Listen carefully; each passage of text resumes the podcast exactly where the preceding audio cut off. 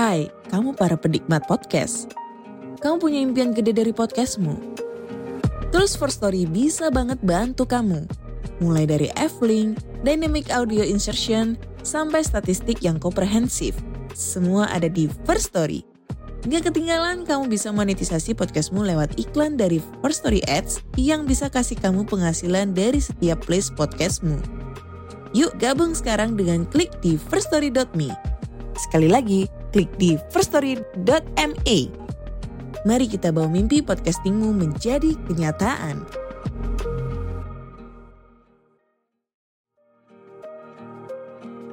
Hai, kamu para penikmat podcast. Kamu punya impian gede dari podcastmu? Terus First Story bisa banget bantu kamu. Mulai dari F-Link, Dynamic Audio Insertion, sampai statistik yang komprehensif. Semua ada di First Story. Gak ketinggalan kamu bisa monetisasi podcastmu lewat iklan dari First Story Ads yang bisa kasih kamu penghasilan dari setiap place podcastmu. Yuk gabung sekarang dengan klik di firststory.me. Sekali lagi, klik di firststory.me. Mari kita bawa mimpi podcastingmu menjadi kenyataan.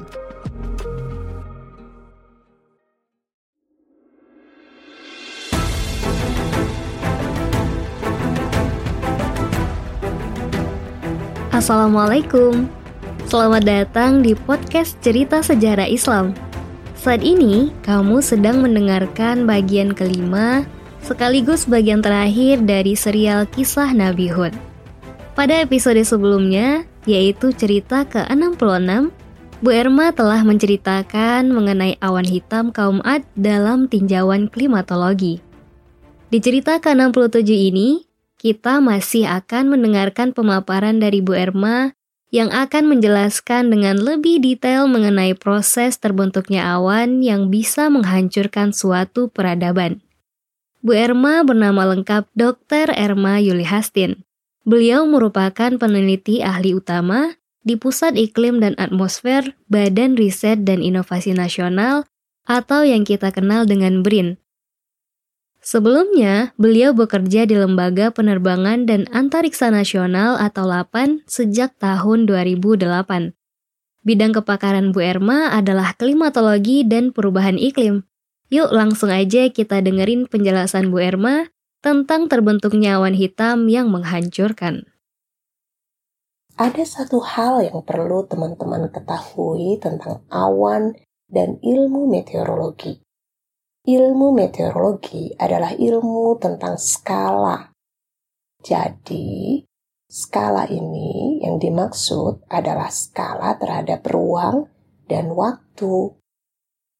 Dibedakan menjadi skala yang terkecil sampai yang terbesar. Sehingga meteorologi mengenal adanya skala mikro, skala meso, skala sinoptik, dan skala global berdasarkan rentang waktu dan skala ruang kejadian suatu fenomena meteorologi. Misalnya saja awan. Kalau awannya itu kecil, tunggal, seperti kumulus yang tumbuh di pagi hari atau sekitar jam 10 di atas wilayah kita, maka itu berarti dia berada dalam skala yang mikro. Sebab misalnya dia radiusnya kurang dari satu kilometer. Nah, kalau awan kumulus ini tumbuh lebih besar, kemudian dia juga tumbuh ke atas. Jadi, secara ruang dia membesar atau meluas serta meninggi dengan ruang lebih dari 2 km radiusnya, maka dia digolongkan sebagai awan yang sudah berada dalam skala meso. Kita menyebutnya mesokonvektif kompleks atau awan konvektif pada skala meso. Apa sih skala meso itu? Skala meso itu kalau rentang skala ruangnya 2 sampai sekitar 200 km. Wow, besar kan? Ya, bisa sampai sebesar pulau Kalimantan bagian tengah. Nah, ada fenomena awan yang terus membesar yang bergabung antara beberapa awan. Kalau tadi awan cumulonimbus itu misalnya hanya punya radius 500 meter atau kurang dari 1 kilometer, Nah, jika ada satu cumulonimbus yang bergabung dengan cumulonimbus yang lain, satu, dua, tiga cumulonimbus bergabung, dan dia membentuk satu bulatan besar, maka kita menyebut awan-awan itu dengan mesokonvektif kompleks atau awan konvektif skala meso. Itu adalah awan badai yang sangat besar dan super. Ya. Sehingga tidak hanya satu jenis cumulonimbus yang bisa menurunkan hujan badai beserta angin kencang di satu kecamatan atau satu desa. Tapi kalau sudah berbentuk MCC atau mesokonvektif kompleks tadi, maka dia bisa menurunkan hujan badai satu wilayah yang sangat luas. Misalnya di Jawa Barat atau di Jabodetabek. Kalau MCC ini terus membesar dan terus membesar, serta bergabung dengan MCC yang lain, maka ada beberapa MCC yang saling bergabung. Dia akan menjadi satu dan menjadi super MCC. Jika dia sudah menjadi super MCC dan dia bergerak berputar atau memutar, maka dia disebut dengan mesokonvektif vortex. Artinya, awan-awan MCC yang raksasa itu bergabung dan berputar menjadi bibit siklon tropis itu merupakan badai yang super karena dia juga bergerak dan berputar. Kalau tadi MCC dia diam, meskipun kemudian ada juga jenis fenomena yang dinamakan dengan gelombang Madden-Julian Oscillation atau MGO yang merupakan gabungan dari super MCC. Dan dia bergerak dari Samudra Hindia menuju Samudra Pasifik melintasi wilayah Indonesia selama rute waktu tempuh 10 sampai 50 harian. Itu periode gelombang tersebut bergerak atau menjalar. Itu dinamakan dengan MGO. MGO itu merupakan super cloud cluster klaster awan atau gabungan dari berbagai MCC yang super, yang raksasa. Jadi, MGO ini juga bisa mendatangkan bencana. Kalau kemudian dari awan MGO itu turun hujan yang sangat deras, maka wilayah yang dilintasi oleh MGO ini bisa mengalami banjir yang besar. Jadi, sampai hari ini tentu tidak terhitung bencana yang bisa ditimbulkan karena banjir besar, efek atau dampak dari aktivitas awan-awan itu. Karena meteorologi sekali lagi adalah ilmu skala, jangan melihat hanya dari satu jenis awan atau satu awan tunggal cumulonimbus. Tapi bayangkan oleh kita semua, oleh teman-teman, bagaimana kalau cumulonimbus-cumulonimbus ini saling bergabung. Pertama, dia membentuk sebuah klaster. Kalau klaster-klaster bergabung, dia bentuk lagi yang dinamakan dengan MCC.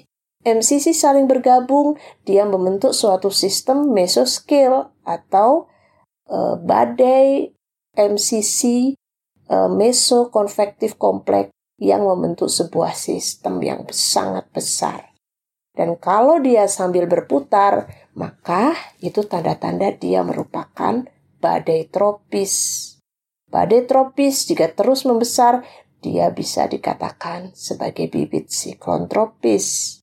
Siklon tropis kalau terus terpelihara, dia menjadi super siklon dan seterusnya. Sehingga skalanya bukan hanya skala satu wilayah di tengah-tengah pulau Kalimantan saja, tapi bisa mencakup Kalimantan, kemudian Sumatera, dan juga Jawa. Jika sudah sebesar itu, maka fenomenanya adalah fenomena yang besar atau disebut dengan fenomena sinoptik atau global. Apa itu bencana yang bisa ditimbulkan dari fenomena yang sinoptik atau global tadi? Ya salah satunya yang umum terjadi adalah siklon tropis. Jadi sekarang teman-teman tahu bahwa tidak hanya pada saat itu saja sebuah bencana besar yang berupa hujan badai dan banjir besar itu terjadi, tetapi sepanjang waktu sampai hari ini pun terjadi di berbagai belahan dunia di bumi ini. Apalagi sekarang saatnya bumi kita ini berada dalam fase yang terus memanas. Itulah disebut dengan perubahan iklim atau pemanasan global. Banyak hal-hal yang tidak setimbang lagi di atmosfer kita, sehingga lebih sering lagi terjadi bencana-bencana yang dipicu oleh aktivitas awan yang terus tumbuh, meraksasa, berkelompok-kelompok, dan ada yang terus-menerus berjalan menjalar secara barat ke timur, ada juga yang selatan ke utara, bahkan juga ada yang berputar. Gimana nih teman-teman? Kamu udah pusing belum? Penjelasan lebih detailnya bisa teman-teman temukan di jurnal ilmiah di bidang keilmuan atmosfer bumi ya. Ternyata, awan badai besar yang menghancurkan gak otomatis tiba-tiba muncul. Namun terjadi karena suatu proses alam yang kompleks. Skala awan yang terbentuk ternyata besarnya bisa melebihi Pulau Kalimantan plus Pulau Jawa. Wah, Luar biasa sekali ya. Nggak mengherankan banget kalau fenomena alam ini bisa menghancurkan sebuah peradaban. Dan ternyata, badai yang mengerikan dapat terjadi sepanjang waktu dan di berbagai kondisi dan lokasi. Jadi, gak mustahil juga jika fenomena yang terjadi pada kaum Ad terdahulu dapat terulang di masa depan. Nauzubillahiminzalik. Semoga kita dijauhkan dari azab Allah Subhanahu wa taala. Perjumpaan kita di serial Kisah Nabi Hud cukup sampai di sini ya. Senang banget podcast cerita sejarah Islam dapat membagikan kisah-kisah terbaik dalam Al-Quran ke teman-teman. Semoga kita bisa mengambil ibroh dan pelajaran dari kisah-kisah yang telah kita pelajari. Wassalamualaikum warahmatullahi wabarakatuh.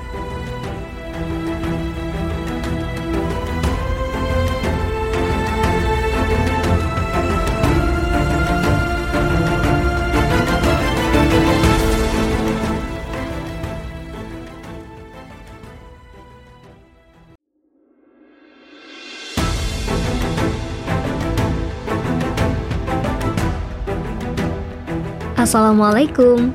Selamat datang di podcast Cerita Sejarah Islam. Saat ini, kamu sedang mendengarkan bagian kelima sekaligus bagian terakhir dari serial kisah Nabi Hud. Pada episode sebelumnya, yaitu cerita ke-66, Bu Erma telah menceritakan mengenai awan hitam kaum Ad dalam tinjauan klimatologi. Di cerita ke-67 ini, kita masih akan mendengarkan pemaparan dari Bu Erma yang akan menjelaskan dengan lebih detail mengenai proses terbentuknya awan yang bisa menghancurkan suatu peradaban.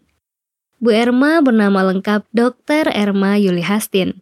Beliau merupakan peneliti ahli utama di Pusat Iklim dan Atmosfer Badan Riset dan Inovasi Nasional atau yang kita kenal dengan BRIN Sebelumnya, beliau bekerja di Lembaga Penerbangan dan Antariksa Nasional atau LAPAN sejak tahun 2008.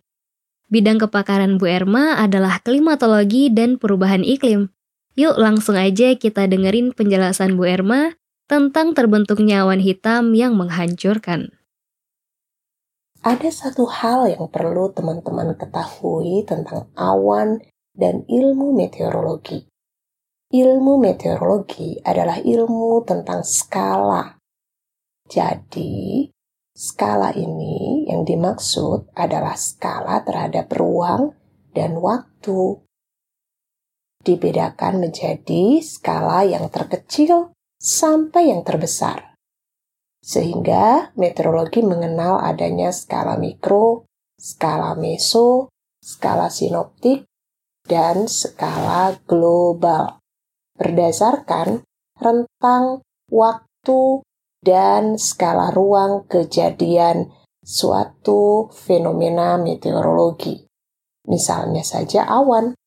Kalau awannya itu kecil, tunggal, seperti kumulus yang tumbuh di pagi hari atau sekitar jam 10 di atas wilayah kita, maka itu berarti dia berada dalam skala yang mikro. Sebab misalnya dia radiusnya kurang dari satu kilometer. Nah, kalau awan kumulus ini tumbuh lebih besar, kemudian dia juga tumbuh ke atas. Jadi, secara ruang dia membesar atau meluas serta meninggi dengan ruang lebih dari 2 km radiusnya, maka dia digolongkan sebagai awan yang sudah berada dalam skala meso. Kita menyebutnya mesokonvektif kompleks atau awan konvektif pada skala meso. Apa sih skala meso itu? Skala meso itu kalau rentang skala ruangnya 2 sampai sekitar 200 km. Wow, besar kan? Ya, bisa sampai sebesar pulau Kalimantan bagian tengah. Nah, ada fenomena awan yang terus membesar yang bergabung antara beberapa awan. Kalau tadi awan cumulonimbus itu misalnya hanya punya radius 500 meter atau kurang dari 1 kilometer, Nah, jika ada satu cumulonimbus yang bergabung dengan cumulonimbus yang lain, satu, dua, tiga cumulonimbus bergabung, dan dia membentuk satu bulatan besar, maka kita menyebut awan-awan itu dengan mesokonvektif kompleks atau awan konvektif skala meso. Itu adalah awan badai yang sangat besar dan super. Ya. Sehingga tidak hanya satu jenis cumulonimbus yang bisa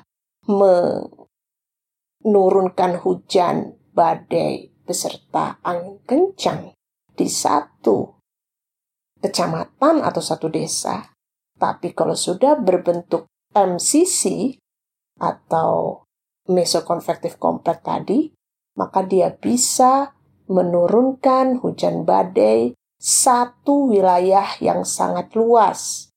Misalnya di Jawa Barat atau di Jabodetabek. Kalau MCC ini terus membesar dan terus membesar, serta bergabung dengan MCC yang lain, maka ada beberapa MCC yang saling bergabung. Dia akan menjadi satu dan menjadi super MCC. Jika dia sudah menjadi super MCC dan dia bergerak berputar atau memutar, maka dia disebut dengan mesokonvektif vortex. Artinya, awan-awan MCC yang raksasa itu bergabung dan berputar menjadi bibit siklon tropis. Itu merupakan badai yang super karena dia juga bergerak dan berputar. Kalau tadi MCC dia diam, meskipun kemudian ada juga jenis fenomena yang dinamakan dengan gelombang Madden-Julian Oscillation atau MGO yang merupakan gabungan dari super MCC.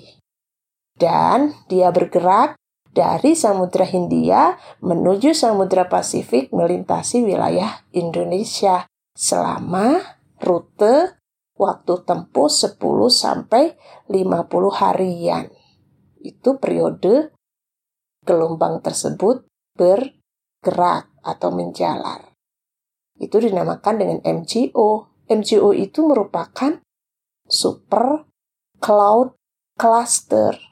Cluster awan atau gabungan dari berbagai MCC yang super, yang raksasa.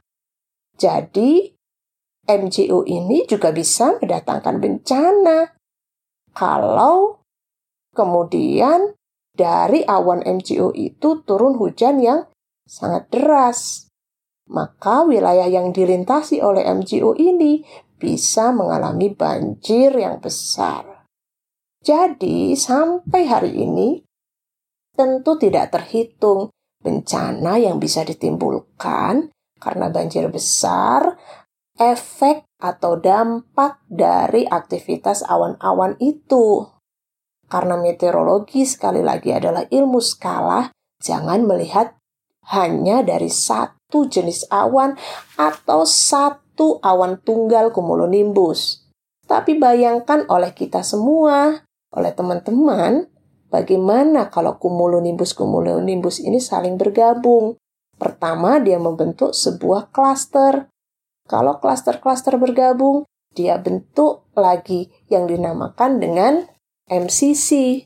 MCC saling bergabung, dia membentuk suatu sistem mesoscale atau uh, badai MCC uh, mesoconvective complex yang membentuk sebuah sistem yang sangat besar.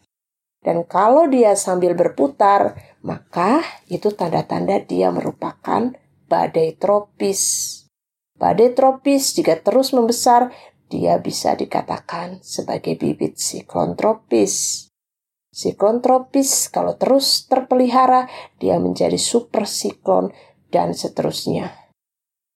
Sehingga skalanya bukan hanya skala satu wilayah di tengah-tengah pulau Kalimantan saja, tapi bisa mencakup Kalimantan, kemudian Sumatera, dan juga Jawa. Jika sudah sebesar itu, maka fenomenanya adalah fenomena yang besar atau disebut dengan fenomena sinoptik atau global. Apa itu bencana yang bisa ditimbulkan dari fenomena yang sinoptik atau global tadi? Ya salah satunya yang umum terjadi adalah siklon tropis. Jadi sekarang teman-teman tahu bahwa tidak hanya pada saat itu saja sebuah bencana besar yang berupa hujan badai dan banjir besar itu terjadi, tetapi sepanjang waktu sampai hari ini pun terjadi di berbagai belahan dunia di bumi ini. Apalagi sekarang saatnya bumi kita ini berada dalam fase yang terus memanas. Itulah disebut dengan perubahan iklim atau pemanasan global. Banyak hal-hal yang tidak setimbang lagi di atmosfer kita, sehingga lebih sering lagi terjadi bencana-bencana yang dipicu oleh aktivitas awan yang terus tumbuh, meraksasa, berkelompok-kelompok, dan ada yang terus-menerus berjalan menjalar secara barat ke timur, ada juga yang selatan ke utara, bahkan juga ada yang berputar. Gimana nih teman-teman? Kamu udah pusing belum? Penjelasan lebih detailnya bisa teman-teman temukan di jurnal ilmiah di bidang keilmuan atmosfer bumi ya. Ternyata, awan badai besar yang menghancurkan gak otomatis tiba-tiba muncul. Namun terjadi karena suatu proses alam yang kompleks.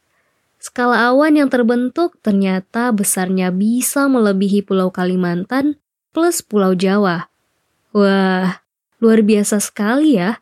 Gak mengherankan banget kalau fenomena alam ini bisa menghancurkan sebuah peradaban.